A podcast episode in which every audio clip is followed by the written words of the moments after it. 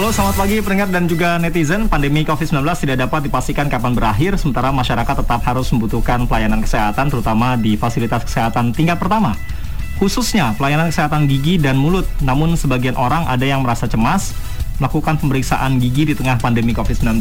Pemeriksaan gigi sebaiknya dilakukan per 6 bulan untuk orang dewasa, namun bagi anak-anak pemeriksaan gigi dilakukan per 3 bulan sekali. Lalu sebenarnya apakah aman untuk kita pergi ke dokter gigi di saat pandemi seperti saat ini? Apa saja yang perlu diperhatikan saat datang ke dokter gigi? Kita akan membahas lengkapnya dalam Radio Talk bersama Kementerian Kesehatan Republik Indonesia dengan tema Amankah pergi ke dokter gigi di saat pandemi? Saya Beri Hamzah, inilah Radio Talk selengkapnya.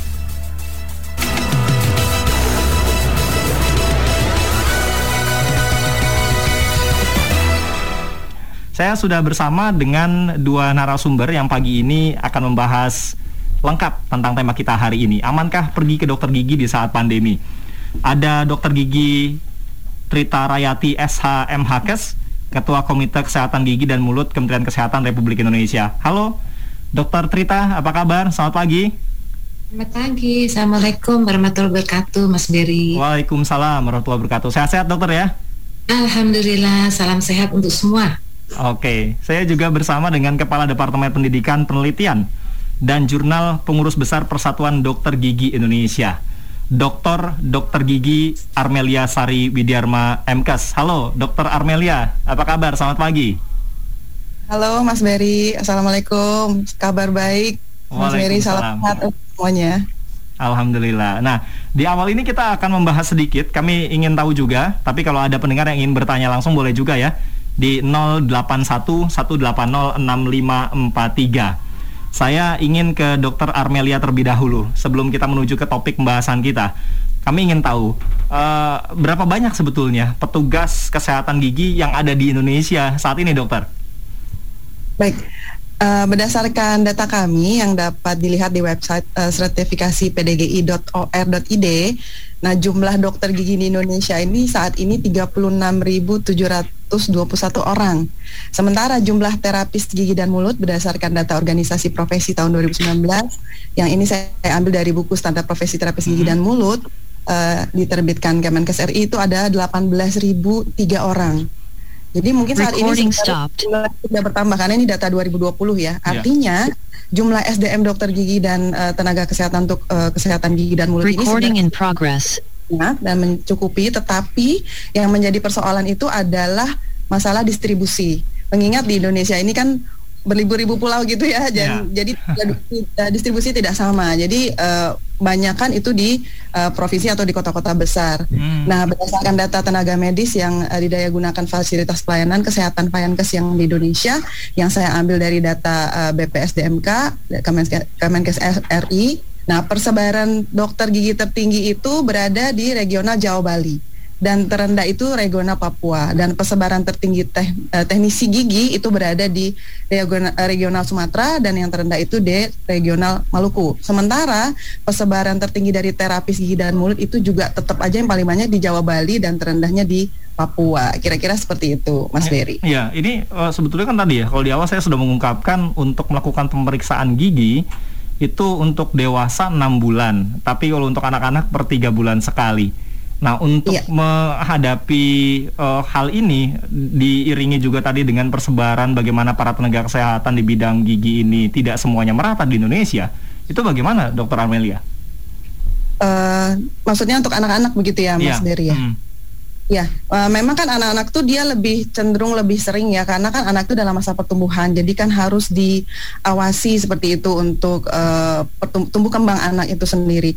Nah, untuk masa pandemi ini kan kalau untuk anak sendiri sebenarnya itu uh, cenderung sih sebenarnya aman sih, tapi ada beberapa hal yang sudah harus diperhatikan karena kan kita semua karena kita nggak tahu kapan uh, pandemi ini berakhir. Hmm kan dibilang harus ber, berdampingan gitu ya. Jadi artinya ada penyesuaian yang harus kita lakukan di masa pandemi ini. Nah, untuk perawatan anak sendiri itu harus diperhatikan yang pertama, misalnya perawatan gigi anak itu e, dilakukan di dokter gigi, kita cari dokternya spesialis gigi anak karena kan biasanya kalau dokter spesialis gigi anak itu lebih memahami kondisi psikologi anak gitu ya. Nah, yang mesti diperhatikan banget itu adalah e, uh, protokol yang digunakan di ruang praktek gitu. Jadi sebenarnya udah banyak nih ada buku petunjuk teknis yang di, dibuat oleh Kementerian Kesehatan, ada juga buku petunjuk uh, panduan new normal yang dibuat oleh PDGI gitu. Yeah. Bagaimana mengatur kita praktek itu supaya aman. Contohnya uh, di ruangan itu misalnya sudah diatur sirkulasi udaranya yang kita sebut biasanya ruangan bertekanan negatif atau negatif room. Jadi artinya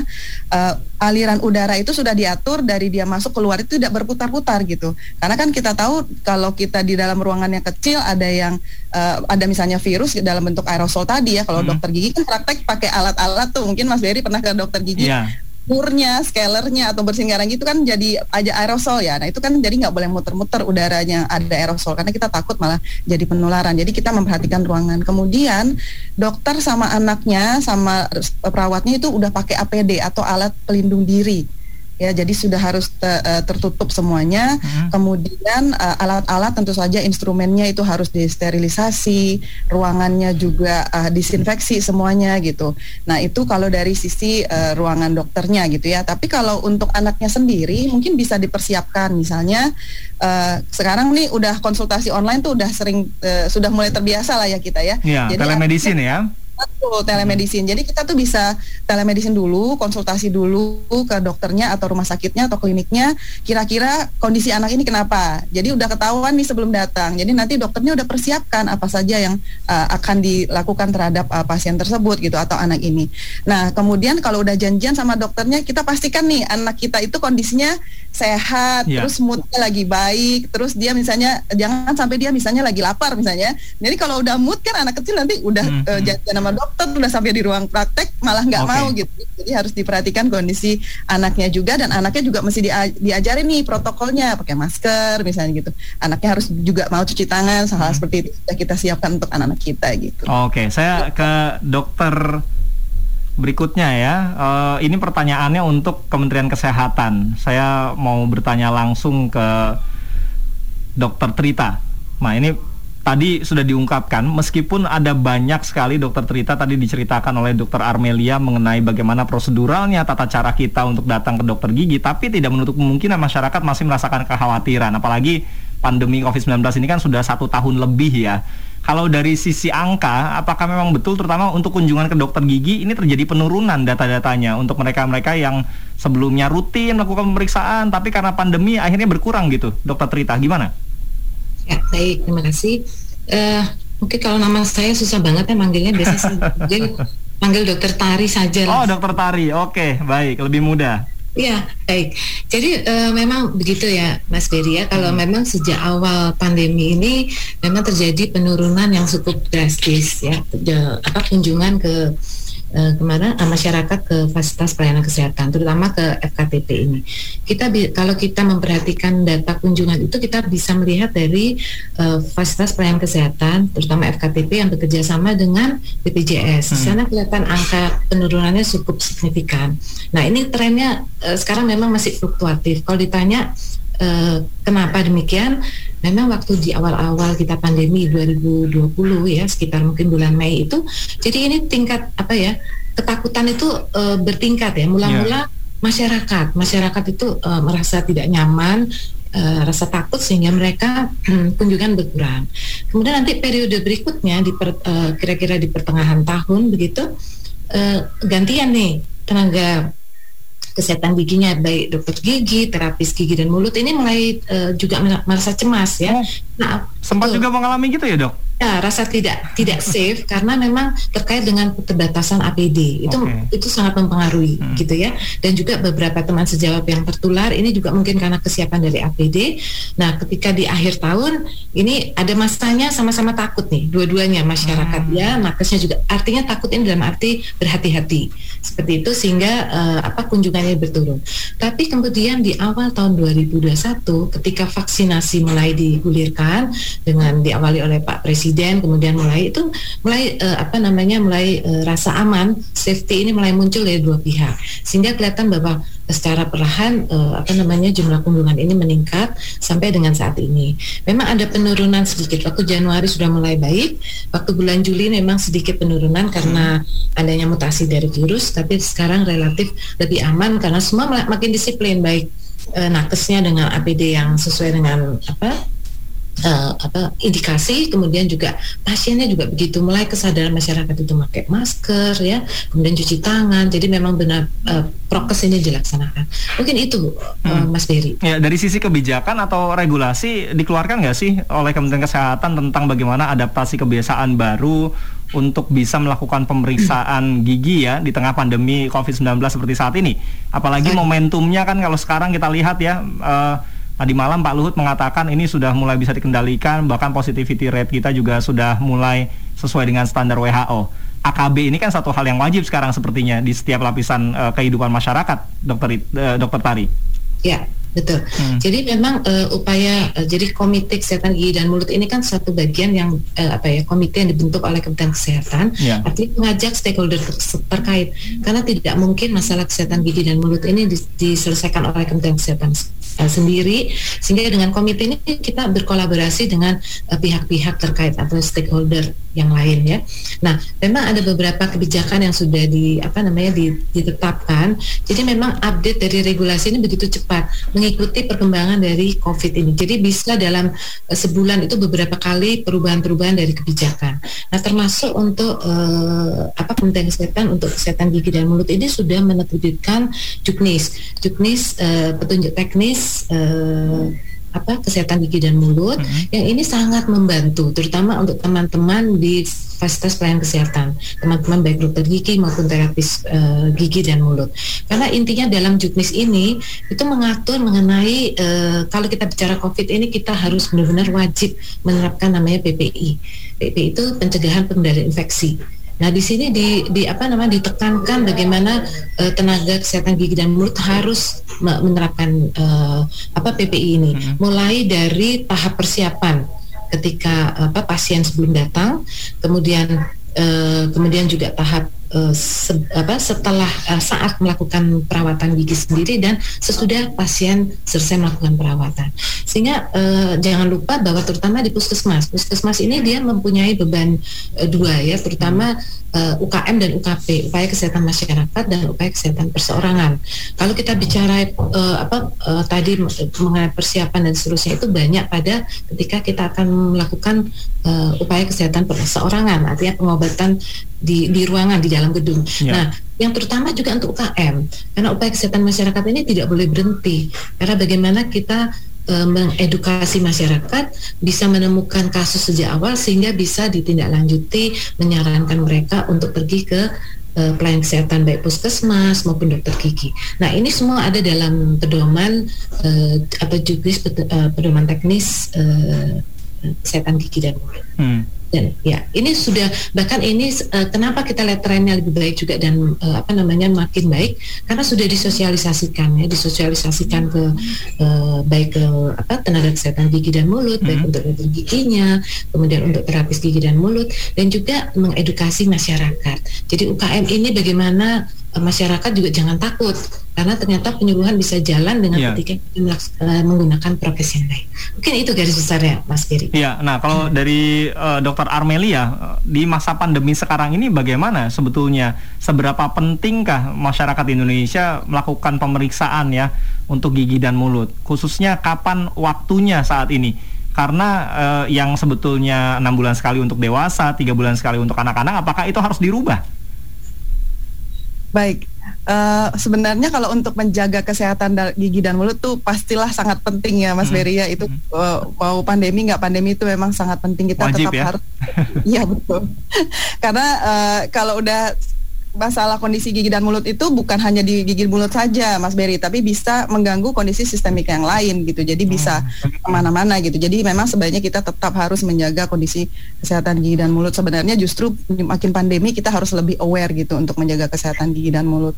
Nah, seperti yang sudah dijelaskan oleh Bu Tari tadi kan memang sudah ada uh, juknisnya ya. Jadi hmm. sebenarnya untuk praktek dokter gigi sendiri itu sudah diatur sedemikian rupa gitu. Jadi bukan hanya dari Kemenkes, dari PBPDGI juga sudah mengeluarkan sebuah sebuah buku panduan uh, praktek new normal bagaimana uh, dari awal pasien di janjian ya. Jadi bahkan untuk janjian aja tuh udah diatur. Jadi janjiannya tuh kita tidak menganjurkan pasien tuh sakit gigi langsung datang ke rumah sakit hmm. atau ke gigi. Jadi bikin appointment uh, dulu berarti kan?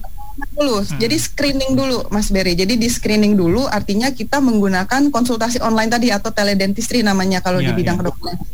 Nah, jadi teledentistry kita janjian dulu, terus kita kasih tahu keluhannya dulu. Jadi kenapa? Kalau kita tahu keluhannya, jadi dokternya itu atau dari rumah sakitnya tahu akan dijadwalkan dokter spesialis yang mana. Kan dokter gigi itu ada spesialisasinya hmm. juga ya gitu kalaupun ke tidak spesialisasi atau ke dokter gigi yang uh, eh, GP atau yang yang biasa dokter gigi umum tetap sudah bisa dipersiapkan apa sih alat-alat yang mau dipakai untuk pasien ini. Karena dia sudah ketahuan nih oh dia akan sepertinya akan melakukan pencabutan sepertinya akan melakukan penambalan. Jadi sudah janjian dan di, uh, diketahui keluhannya apa gitu. Jadi kalau screening itu udah wajib kemudian nanti dari screening itu juga diketahui pasiennya ini ditanya dulu habis traveling enggak habis dari daerah red zone nggak? Atau ada saudara satu rumahnya yang positif nggak? Habis atau habis kontak nggak? Gitu. Jadi itu sudah dideteksi terlebih dahulu sehingga praktek ke dokter gigi itu juga jadi uh, lebih aman gitu ya. Nah untuk mengetahui uh, mengenai waktu yang tepat tadi pertanyaannya ya, ya. Uh, kalau yang tepat itu sebenarnya kalau sekarang ini memang kalau tanpa keluhan benar-benar tidak ada keluhan itu cukup dengan menjaga kesehatan gigi dan mulut. Tadi sikat giginya dua kali sehari pagi setelah sarapan dan malam sebelum tidur kemudian bisa menambah e, menggunakan obat kumur seperti itu ya. Hmm. nah tapi kalau ada keluhan silahkan langsung gunakan tadi telekonsultasi atau teledentistry. Ketika memang datang silahkan bisa datang ke dokter gigi ke rumah sakit atau ke klinik dan harus memperhatikan tadi syarat-syarat tadi jadi bukan bukan dokter gigi aja ya, masyarakatnya harus aware juga nih hmm. memilih dokter atau rumah sakit atau klinik gigi yang sudah menggunakan protokol yang new normal tadi sesuai dengan juknis dari Kementerian Kesehatan ataupun buku panduan dokter gigi new normal. Jadi sebenarnya kalau tepat sih tepat-tepat saja gitu ya, boleh saja. Kalau memang kita merasa uh, gini kalau dokter gigi itu biasanya kalau udah enam bulan tuh udah nggak ke dokter gigi atau apalagi udah setahun sekarang ya hmm. biasanya kadang-kadang sikat gigi itu udah mulai berdarah gusinya yeah. misalnya seperti itu ya hmm. itu kan yang paling sering tuh ya nah kalau udah berdarah gusi itu kan artinya biasanya ada karang gigi gitu kan kalau udah ada karang gigi kan berarti terjadi uh, gangguan atau kerusakan yang sering berdarah. Nah, itu sebaiknya memang sudah harus uh, tetap konsultasi ke dokter gigi. Tapi kalau sehat-sehat aja mulutnya nggak ada gusi berdarah, nggak ada yang dirasa sakit, tidak ada berlubang ya, nggak usah yang uh, dengan sengaja gitu datang ke dokter gigi tanpa konsultasi dulu. Jadi kira-kira seperti itu, Mas Berry. Okay. Jadi tidak ada yang dirubah ya kalau menurut saya tetap mm-hmm. aja yang enam bulan. Hanya lebih itu. aware uh, tentang tadi ya, ya protokol betul. kesehatan hanya ditambah itu kan sebetulnya nggak repot lah ya. ya Ya, hmm. jadi bisa telekonsultasi dulu atau teledentistry dulu lah gitu sebelum ini dan tetap enam bulan menurut saya untuk konsultasi dengan dokternya gitu untuk mengetahui. Okay. Baik. Dokter Amelia dan juga Dokter Tari kita lanjutkan ya. Saya mau menyapa dulu ada penelpon yang sudah masuk ada Pak Syarial di Medan Sumatera Utara. Halo Pak Syarial. Ya, selamat pagi ya Cinta. Selamat pagi Pak. Silakan Pak. Selamat pagi narasumber. Uh, saya mau nanya, orang kalau berobat ke dokter gigi dokter gigi kan pakai alat. Apa setelah berobat ke dokter gigi itu, alat-alat itu bisa langsung disterilkan secara sangat aman gitu. Apalagi sekarang kan lagi pandemi. Ya. Ya orang kalau kena varian delta, kalau berobat ke dokter gigi, bagaimana alat-alat itu bisa disterilkan secara sangat aman sehingga tidak menularkan kepada yang berobat hmm. selanjutnya hmm. gitu kan. Atau ke dokternya juga Pak ya, kan dokter juga harus dilindungi ya. Iya. Hmm. So, soalnya begini, dulu waktu marak-maraknya HIV AIDS itu kan ada aktor Hollywood namanya Rock Hudson. Dia berobat ke dokter gigi, lalu dia kena HIV AIDS kemudian ada dokter yang bilang kalau peralatan dokter gigi itu tidak bisa disterilkan. Kalau mau disteril kalau mau disterilkan terpaksa harus direbus. Mm-hmm. Kalau direbus itu alat-alat itu akan rusak. Jadi bagaimana sebaiknya okay. gitu. Baik. Terima kasih Pak Syarial ya. Pak Syarial di Medan, Sumatera Utara tentang sterilisasi alat kesehatan terutama praktek dokter gigi kepada mereka-mereka pasien-pasien yang mengaksesnya ya. Mungkin dokter Armelia bisa menjelaskan nanti bisa dilengkapi juga oleh dokter Tari, silakan. Baik. Terima kasih uh, pertanyaannya Pak. Ini memang mungkin sangat banyak ber uh, bertanya-tanya ya hmm, masyarakat. Ini masalah dari... trust biasanya nih, kepercayaan. ini alatnya dicuci nggak ya, ditukar iya, nggak? Ini yeah. misalnya ganti pasien nggak ganti alat gitu ya. Baik, mungkin saya coba jelaskan. Uh, memang uh, tadi selain hanya ruangan saja yang diperhatikan ya itu alat-alat kita memang sangat-sangat kita perhatikan gitu dan biasanya untuk berpraktek dokter gigi itu kita itu alat itu biasanya ada beberapa set gitu pak ya jadi misalnya alat yang masuk ke mulut bapak tuh uh, kaca mulut biasanya itu ya kaca hmm. mulut ada sonde ada alat-alat pinset-pinsetnya gitu ya itu tuh dokter gigi itu punya beberapa set, jadi tidak satu saja gitu. Nah itu set itu semuanya sudah disterilkan dalam kantong-kantong sendiri. Jadi kalau pergantian pasien itu akan digunakan set yang baru. Jadi tidak langsung dipakai alat yang sama itu pasti tidak. Kemudian uh, kita itu biasanya juga ada menggunakan chemical agent. Jadi bahan disinfektan, bahan kimia yang itu sangat kuat untuk membunuh bakteri, jamur termasuk virus gitu ya. Apalagi virus uh, SARS-CoV-2 ini yang penyebab COVID ini sebenarnya dia sangat mudah dimatikan ya. Karena kalau virus itu kan RNA ya RNA ya. itu sangat tidak stabil. Makanya sebenarnya kita cuci dengan deterjen aja itu dia mati gitu. Nah kalau pakai disinfektan yang di kedokteran gigi itu sangat kuat ya. Biasanya kita bisa pakai uh, natrium hipochlorite gitu. Ada beberapa bahan yang kita pakai ya itu sangat kuat. Nah yang kita takutkan kan adalah kalau virus SARS-CoV-2 ini dia kan aerosol tadi aerosol itu kan artinya berterbangan di udara ya makanya yeah. dokter gigi itu tadi harus ada tekanan negatif atau ada UV lah gitu. Kalau di UV itu mati itu virusnya gitu. Jadi hmm. atau ada saringan udara. Yang penting tuh sirkulasi udara ada. Tapi kalau peralatan itu sangat banyak uh, uh, chemical agent yang bisa digunakan atau yang satu lagi yang juga biasa digunakan oleh dokter gigi itu sterilisasi alat menggunakan autoclave namanya ya. Hmm. Jadi alat autoclave itu alat itu setelah udah dibersihkan dicuci dengan deterjen, kemudian dikasih chemical agent, kemudian dimasukkan lagi ke dalam autoclave gitu loh. Oh. Nah, itu pasti semuanya udah uh, benar-benar betul-betul dijaga sterilitasnya berarti kalau gitu ya, ya. lewat beberapa tahapan tadi kalau cerita ya. dari dokter Armelia. Betul. Jadi hmm. nggak hmm. nggak hanya satu tahap ya. Jadi hmm. memang banyak tahap. Jadi harusnya kalau sesuai dengan protokol tadi alat ya, apa namanya praktek itu harusnya aman dan ya. tidak akan menggunakan bekas pakai langsung pakai lagi okay. seperti itu. Baik. Cuci. Ya. Jadi Pak Syarila nggak usah khawatir Pak kalau mau datang tetap melakukan pemeriksaan kesehatan mulut dan giginya ya di masa pandemi datang aja karena sudah aman lah ya. Tadi banyak prosedur yang harus dilewati. Tapi ini menyambung dengan apa yang disampaikan oleh Pak Syarial dan Dokter Tari bisa menjawabnya apa yang harus dilakukan atau diperhatikan oleh fasilitas kesehatan pelayanan kesehatan gigi selama melakukan pelayanan kepada masyarakat para pasien di tengah pandemi ini? Ya, baik. Mungkin apa yang disampaikan oleh Bu Sari itu sudah sangat lengkap. Jadi tadi Pak siapa yang bertanya Pak Sari Pak ya? Syarial. Pak Syarial ya. Hmm. Jadi kalau uh, apa namanya tadi di dalam juknis saja saya cerita awal mengenai juknis hmm. yang dikeluarkan oleh Kementerian Kesehatan itu kan intinya pada pencegahan pengendalian infeksi.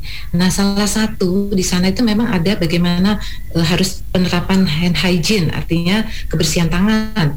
Kemudian juga e, bagaimana uh, apa namanya sterilisasi alat masuk di situ termasuk juga untuk uh, apa pengaturan udara di ruangan. Yeah. Bagaimana kalau penggunaan secara alamiah dibuka jendelanya ataupun secara mekanik buatan seperti itu. Itu banyak artinya menggunakan AC, ventilasi apa namanya uh, kipas angin dan seterusnya. Nah, untuk alat jangan lupa Pak Sari jadi itu banyak persyaratannya untuk untuk alat itu karena alat-alat itu dokter gigi sudah tahu mana ini yang infeksius, mana yang non infeksius gitu ya. Yang risiko tinggi, risiko sedang. Mm -hmm. Nah, itu nanti nanti akan dimasukkan dari pre-cleaning. Pre-cleaning itu direndam dulu dalam deterjen. Kemudian nanti selesai dibilas air, kemudian dipilah mana yang mesti masuk autoclave. Jadi rata-rata alat dokter gigi ini masuk ke sterilisasi menggunakan autoclave. Jadi kalau di autoclave itu virus bakteri uh, apa mati ya apalagi virus yang uh, sebetulnya relatif mudah RNA untuk uh, apa namanya coronavirus termasuk juga endospora. Jadi memang benar-benar aman pak. Jadi jangan khawatir karena dokter gigi praktek itu dia mempunyai banyak peralatan. Nah terkait dengan apa yang harus diperhatikan oleh kes tadi saya sudah sampaikan itu harus diperhatikan mulai dari tahap awal.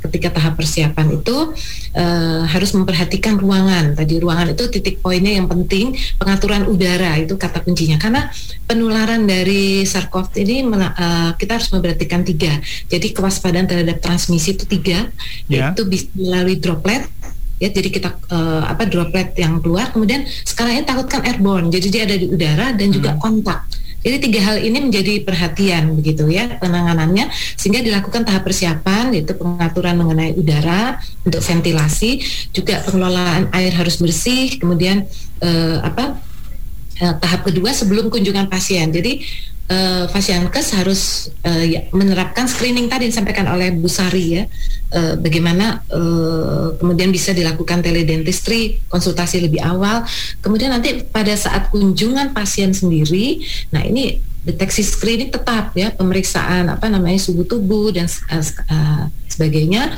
Kemudian uh, benar-benar menerapkan kewaspadaan tadi saya sampaikan ya mencuci tangan sebelum memegang pasien ya. Hmm. uh, setelah selesai juga uh, apa mencuci tangan ya uh, apa artinya hand hygiene itu harus benar-benar perhatian diperhatikan ya. Kemudian penggunaan APD jadi APD ini gunanya tidak hanya untuk dokter, untuk pasien juga. Jadi pasien hmm. tidak tertular oleh ya, sama-sama terlindungi gitu ya, ya dok ya. Sama-sama terlindungi itu yang harus di, di, di apa dipahami Pak Sarif. Jadi bukan hanya untuk kepentingan dokter, tapi untuk untuk pasien juga seperti itu. Nah kemudian setelah uh, kunjungan juga demikian ya harus dibersihkan kembali ruangan itu. Jadi uh, relatif eh, tahapan-tahapan ini apa uh, sudah dilalui harus dan wajib sekarang hukumnya. Hmm. Bahkan itu kenapa uh, tidak usah khawatir karena ini jadi uh, apa ya di Fasiankes itu sekarang ada kebijakan baru. Jadi PPI ini dimasukkan dalam indikator mutu. Jadi nanti akan dinilai ya kalau indikator mutunya tidak dicapai kebersihan tangan, uh, sterilisasi, alat dan seterusnya uh, Fasiankes ini akan mendapat nilai yang apa uh, pencapaian yang tidak maksimal untuk indikator ini akan ada tentunya ada akan apa ya sanksi atau teguran hmm. pada Fasiankes. Jadi semua aman begitu harapannya. Seperti oh, itu okay. sendiri. Baik. Persoalan tentang gigi ya, ini bukan cuma soal gigi yang bolong nih dokter. Ada nggak sih sebetulnya tindakan-tindakan yang karena di tengah pandemi ini itu tidak bisa dilakukan atau bahkan harus ditunda? Bagaimana, dokter Sari? Ya, Baik, untuk praktek di masa pandemi sih memang resiko penularannya mengingat praktek tadi ya saya bilang pakai hmm. alat-alat itu kan uh, alat getaran-getarannya atau putarannya itu kan membuat ibaratnya muncrat-muncrat ke mana-mana gitu yeah. ya. Sementara itu yang kita takutkan sementara alat kita itu bisa jadi aerosol juga ya menyebabkan aerosol karena getarannya sangat tinggi atau putarannya sangat tinggi. Jadi hmm. uh, dengan protokol tadi memang uh, bisa dikurangi lah gitu dan juga berdasarkan uh, dari Amerika nih Occupational Safety and Health Administration mengatakan bahwa memang tenaga kesehatan gigi dan mulut ini adalah yang paling beresiko untuk paparan COVID-19 gitu ya. Karena dokternya itu kerja ke mulut pasien kan deket banget ya. Mungkin yeah. Mas Berry nih ke dokter nggak, nggak jaga jarak tuh dok. Iya nggak ada jarak. jarak. Satu setengah meter tuh udah nggak bisa tuh yeah, betul. nggak nyampe gitu ya. Jadi kan nggak bisa ya uh, melakukan pemeriksaan gigi secara online gitu dari jarak jauh. Kalau ada robot bisa, atau apa mungkin bisa ya bisa tapi nggak bisa tindakan gitu ya, yeah, yeah, yeah. aja hmm. paling sampai kasih resep gitu hmm. itu bisa gitu untuk ngalingin menghilangkan sakit tapi kalau hmm. udah mau cabut mau nambal kan nggak mungkin bapak buka mulut ambil tangnya keluarin giginya nggak mungkin kan ya seperti itu ya gitu jadi memang kalau teledentistry bisa hanya untuk konsultasi, diagnosis dan memberikan resep itu masih bisa, Mas Berry. Yeah. Tapi ketika harus tindakan, nah itu memang harus ke dokter gigi. Nah, yang sebenarnya dari uh, banyak tindakan dokter gigi itu memang yang paling uh, beresiko tadi adalah membersihkan lingkaran gigi atau scaling tadi ya, karena hmm. alat scaler itu menggunakan getaran ultrasonik. Nah, getaran ultrasonik membuat cipratannya itu cukup jauh dan menyebabkan aerosol. Nah, tapi selama uh, yang seperti kita diskusikan selama uh, fasilitas kesehatannya itu menggunakan protokol sesuai juknis yang baru dan juga uh, sudah mengikuti panduan new normal harusnya itu lebih cenderung aman. Nah, jadi ingat nih Mas Berry, mm-hmm. tadi Mas Berry bilang aman, aman dengan catatan. Yeah. Kalau misalnya kita datang masuk ruang praktek, ternyata dokternya cuma pakai sarung tangan satu sama masker aja nggak pakai APD, nggak pakai hazmat, nggak pakai tutup kepala hmm. itu. Terus dok pasiennya juga didudukin aja gitu, hmm. pasiennya nggak dikasih pelindung diri. Itu, itu pasiennya itu boleh negur nggak sih?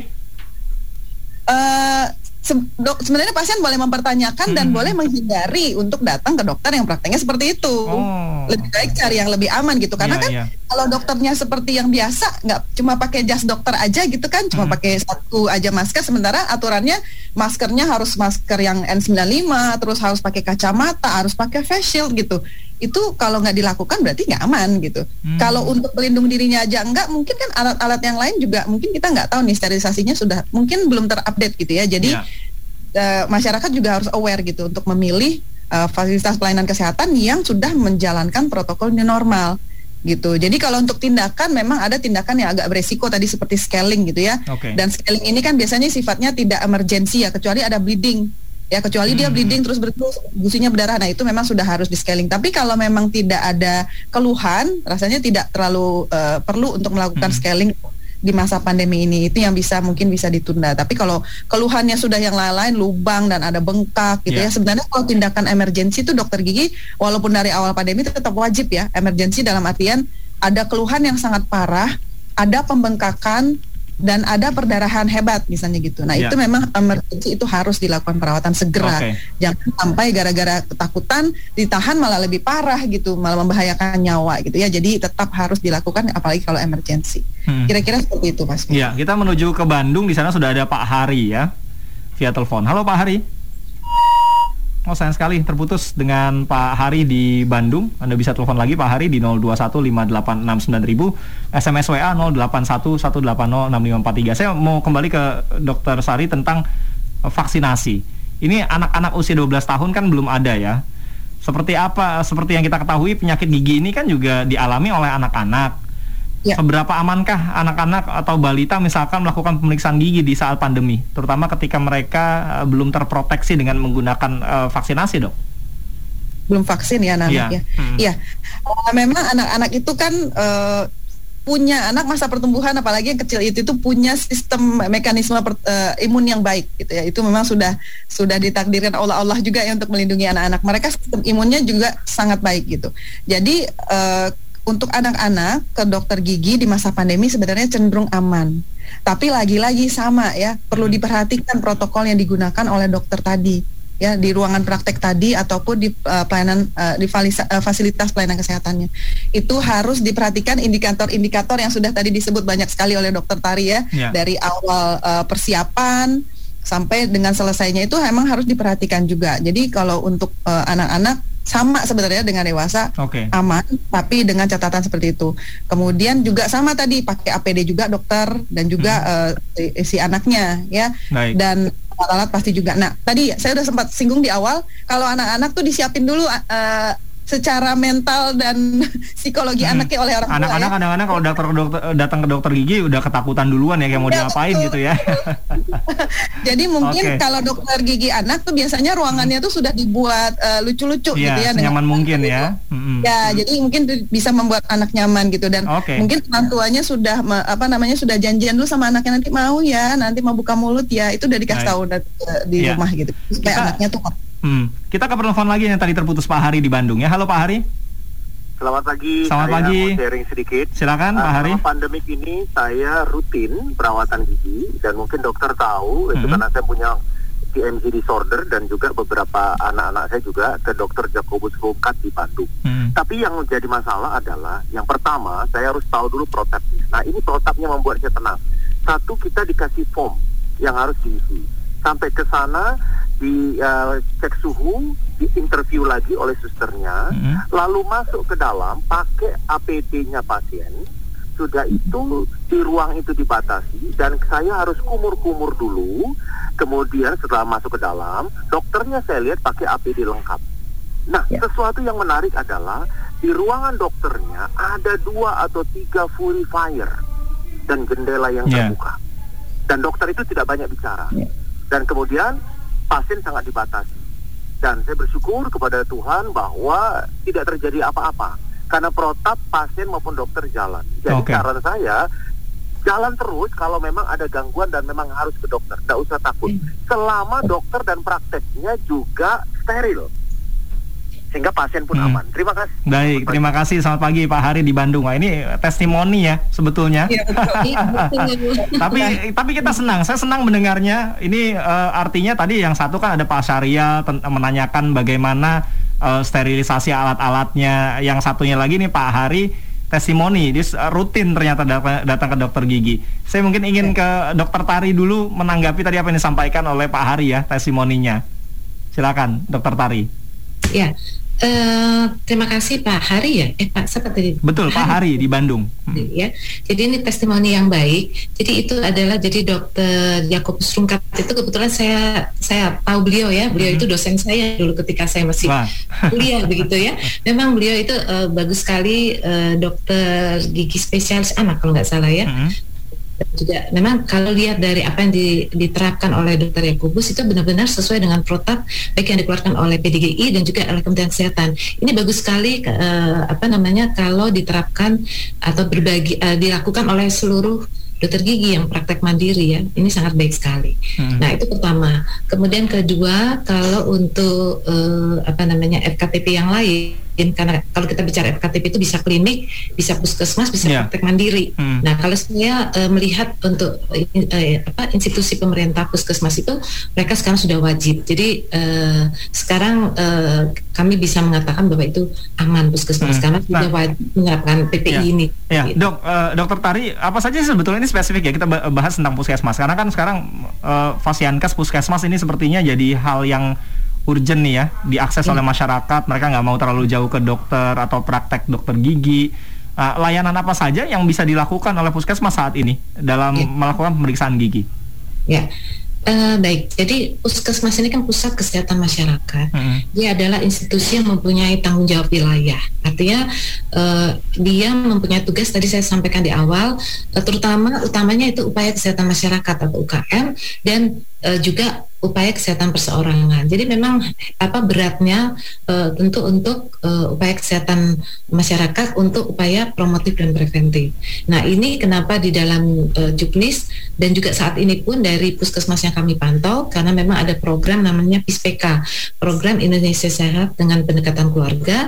Nah tetap dilakukan uh, apa ya penyuluhan uh, pelayanan di masyarakat, hmm. Nah, terutama kalau kita ke masyarakat ini ada dua hal ya, satu uh, apa upaya kesehatan untuk masyarakat sendiri dan juga penjaringan untuk siswa. Nah, hmm. un memang untuk yang masyarakat masih berjalan, artinya nakesnya dan juga masyarakat uh, nakesnya ketika turun dengan prokes ya menggunakan masker ya, kemudian kalau perlu menggunakan sarung tangan. Nah, sarung tangan itu tidak harus ketika edukasi penyuluhan ke masyarakat dipakai ya yeah. itu harus ada indikasi yang penting dia harus hand hygiene itu cuci tangan yang sesuai eh, sebelum sesudah penyuluhan. Nah kemudian yang sedikit bermasalah yang agak menurun adalah mengenai penjaringan siswa karena sekolah ini libur saat ini benar kan sudah ya, hampir mau tahun. tatap muka tapi juga terbatas kan? Betul, tatap muka hmm. sekarang baru mulai terbatas. Hmm. Nah, bagaimana memantaunya sehingga banyak inovasi dibuat oleh uh, apa namanya beberapa FKG menciptakan suatu apa ya model seperti uh, teledentistry seperti itu hmm. di mana mengikutsertakan orang tua.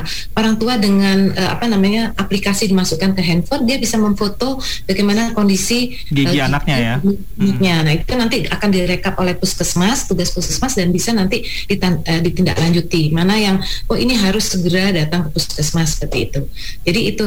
Kemudian itu baru UKM-nya. Untuk UKP-nya ya hmm. uh, saya pikir pelayanan seperti biasa uh, baik itu untuk apa namanya uh, penambalan atau kalau perlu uh, pencabutan tentu dengan uh, apa uh, prokes yang ketat ya sesuai dengan uh, apa namanya pedoman ya. Hmm. Jadi tadi benar yang seperti dokter uh, apa namanya Yakobus itu harusnya seperti itu memang dari triase jadi awal ketika datang itu pasien juga sudah uh, mulai uh, beberapa praktek malah yeah. yang pasien kes uh, meng, uh, apa mengisi form ya. Jadi pasien juga harus jujur begitu. Nah, ini harus peran dari pasien juga harus eh, apa namanya? jujur sama-sama ya. Pas yang kesnya juga dan pasien juga harus jujur. Okay. Kalau ketika dia mengatakan mengatakan bahwa dia uh, berapa hari yang lalu demam ya harus mengatakan itu hmm. demam. Ya. Mungkin secara garis besar itu. Hmm. Nah, kaitannya dengan eh, BPJS kesehatan apa saja sih sebetulnya layanan kesehatan uh, gigi ya saat ini yang bisa diakses oleh masyarakat dengan menggunakan BPJS kesehatan, Dok? Nah, kalau untuk BP, eh, pelayanan untuk dengan BPJS Kesehatan secara umum tuh sama ya, karena dia kalau lihat uh, uh, kita mulai dari memang yang mulai dari administrasinya ya, biaya uh, apa namanya ada uh, administrasi pendaftaran itu memang uh, dia pasti ini ya uh, apa namanya uh, ruang apa uh, anunya terpisah begitu ya untuk hmm. BPJS artinya supaya lebih cepat gitu ya. Nah untuk pemeriksaannya sama saya pikir mulai pengobatan kemudian konsultasi juga disediakan ya kemudian uh, juga uh, apa namanya pelayanan-pelayanan kesehatan lainnya ya sampai juga pencabutan tadi ya kemudian uh, mendapatkan obat pasca uh, pelayanan ya. Saya pikir sama semua ya seperti BPJS hmm. ini. Hmm. Oke. Okay. Nah, kaitannya juga dengan kondisi kita saat ini ya, penularan COVID-19 menjaga ya. kesehatan mulut ini jadi satu hal yang penting. Karena COVID Betul. itu bisa bisa masuk melalui mulut, hidung dan juga uh, mata kita ya.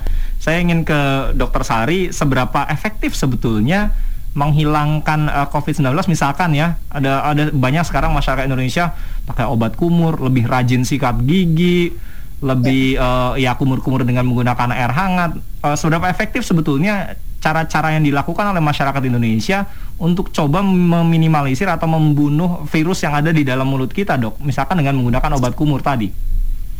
Ya, uh, memang sekarang ini kalau dokter gigi tadi salah satu protokolnya itu biasanya uh, pasiennya berkumur dulu memang iya. sebelum yeah. di melakukan tindakan gitu karena uh, akan mengurangi jumlah mikroba yang ada di dalam mulutnya gitu kan. Nah sebenarnya untuk riset ini sekarang sudah uh, sedang sedang banyak dilakukan ya terkait uh, pengaruh obat kumur terhadap virus SARS-CoV-2 atau penyebab uh, COVID-19 ini gitu. Nah ini uh, uh, salah satu contoh ini ada peneliti namanya Craig Myers dia profesor mikrobiologi dari Penn State College of Medicine di Hershey. Nah, ini dia menggunakan virus uh, HCoV 229 uh, 229i itu mirip sama SARS-CoV-2 ya. Jadi dia virus yang uh, keluarga virus yang sama dengan SARS-CoV-2. Nah, di situ kalau dari hasil labnya itu sudah terbukti dia memang mengurangi aktivitas virus gitu. Nah, kemudian uh, ada juga penemuan selanjutnya yang sudah diterbitkan di Journal of Infectious Disease tahun 2020 ini bulan Juli. Hmm. Nah, ini juga mengatakan bahwa berkumur secara rutin dapat mengurangi viral load di dalam mulut gitu. Hmm. Tapi memang kalau riset yang spesifik viral loadnya untuk SARS-CoV-2, nah ini yang belum banyak risetnya gitu. Hmm. Nah, yang saya ketahui juga ke kebetulan saya juga uh, peneliti ya dari PBBDGI, saya juga uh, di divisi penelitian. Hmm. Nah, itu ada tiga untuk Indonesia sendiri maksudnya ya, ada tiga obat kumur yang memiliki kandungan yang terbukti efektif gitu dalam membunuh virus SARS-CoV-2. Dia udah oh. spesifik tapi masih penelitian in vitro. In vitro artinya dalam uh, laboratorium, hmm. ya, belum uji klinis gitu.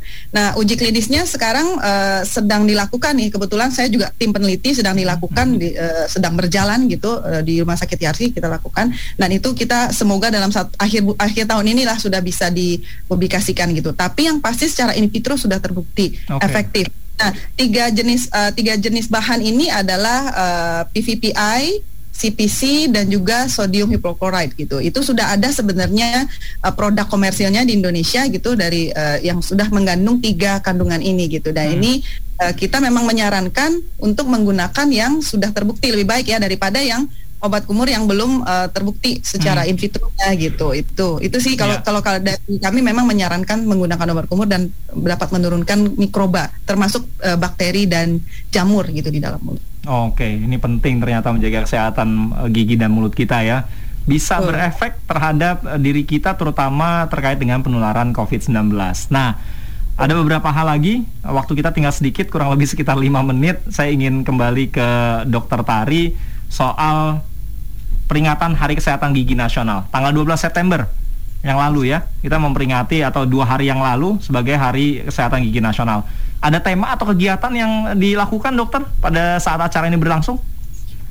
Ya, uh, Mas Berry dan Bapak Ibu sekalian, memang uh, tanggal 12 September 2021 ini kita memperingati Hari Kesehatan Gigi Nasional dan tema yang diangkat yaitu gigi dan mulutku sehat di masa pandemi COVID-19. Hmm. Karena kita menyadari kalau kita lihat beberapa uh, data, beberapa survei ya, uh, itu juga menunjukkan ya dalam kondisi COVID ini malah uh, apa ya uh, rajin untuk mensikat gigi itu sedikit berkurang ya oh. karena uh, lama apa karena banyak aktivitas di rumah uh, yang biasanya mau pergi beraktivitas anak sekolah, hmm. kemudian uh, ayah atau ibu ke kantor ya cepat-cepat hmm. mereka gosok gigi pagi. Sikat gigi gara-gara mau ketemu orang gigi, dok.